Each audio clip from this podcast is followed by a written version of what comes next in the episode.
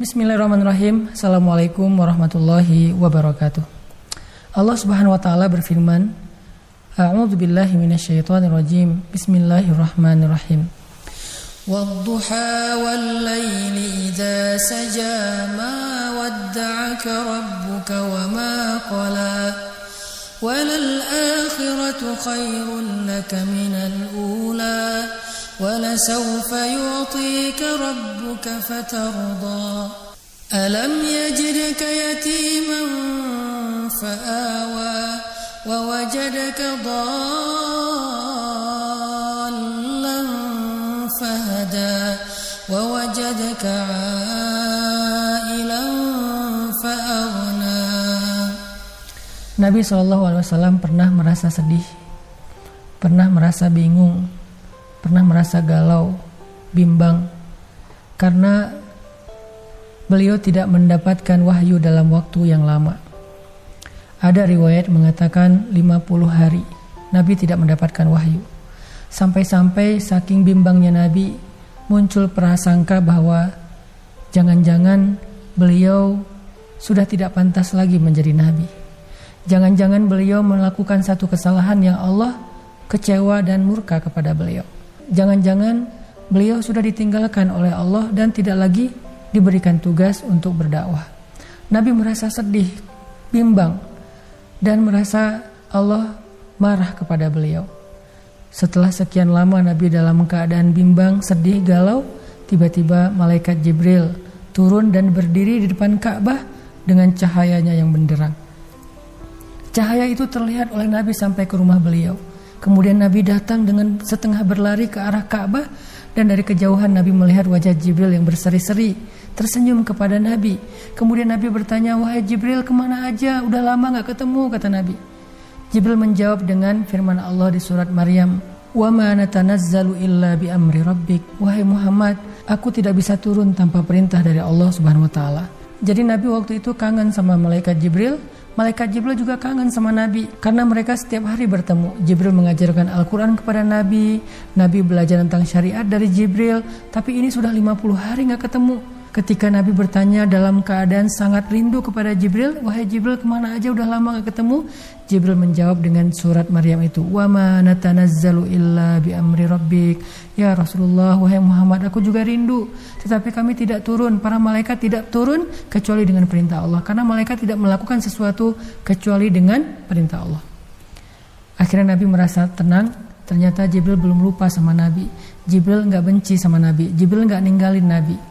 Kemudian Nabi bertanya, "Wahai Jibril, apakah Allah marah kepada saya sehingga Allah tidak turunkan wahyu kepada saya?" Jibril tersenyum dan mengatakan, "Tidak, wahai Muhammad.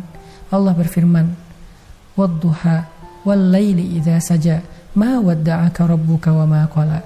Demi waktu duha, demi waktu malam ketika sudah sangat sunyi, ma wadda'aka rabbuka Tuhanmu nggak pernah ninggalin kamu. Wa ma'kola, apalagi benci sama kamu. Jadi Jibril bilang, aku nggak pernah ninggalin kamu, wahai Muhammad. Aku juga nggak marah sama kamu. Dan Allah juga bilang, aku nggak pernah meninggalkan engkau, wahai hambaku. Dan aku nggak marah sama kamu. Apa buktinya? Alam yajidika yatiman fa'awa. Bukankah dulu kamu seorang anak yatim, Allah yang melindungi kamu, membesarkan kamu, memelihara kamu? Wawajadaka dhallan fahada. Kamu pernah tersesat di padang pasir tidak tahu arah, lalu Allah menunjukkan jalan sehingga kamu sampai ke kota Mekah dalam keadaan selamat. Wawajadaka ailan fa'aghna. Kamu pernah menjadi orang yang tidak punya apa-apa, Allah memberi kepada kamu rezeki dan kehidupan. Itu bukti bahwa Allah nggak pernah ninggalin kamu wahai Muhammad.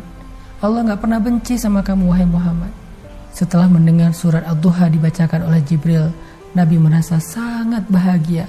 Malam itu Nabi menjadi seperti orang yang baru dapat hadiah yang sangat istimewa. Hatinya berbunga-bunga, matanya berbinar-binar. Saking bahagianya Nabi mendengar surat Al-Duha. Lalu surat ini dibacakan kepada para sahabat. Para sahabat membacakan kepada para tabi'in. Dan dari satu generasi ke generasi yang lain sampai kepada kita. Lalu apa pelajarannya? Ternyata surat Ad-Duha bukan hanya japrian dari Allah kepada Nabi tetapi itu juga japrian dari Allah kepada kita. Seolah-olah Allah bilang, seolah-olah Allah ngomong sama kita, Wahai fulan, wahai hambaku yang sedang galau, yang sedang bimbang, yang sedang sedih, yang sedang merasa dia sendiri nggak punya siapa-siapa, yang sedang merasa Allah nggak terlibat dalam hidupnya, wahai hambaku, ma wadda'aka rabbuka wa ma qala.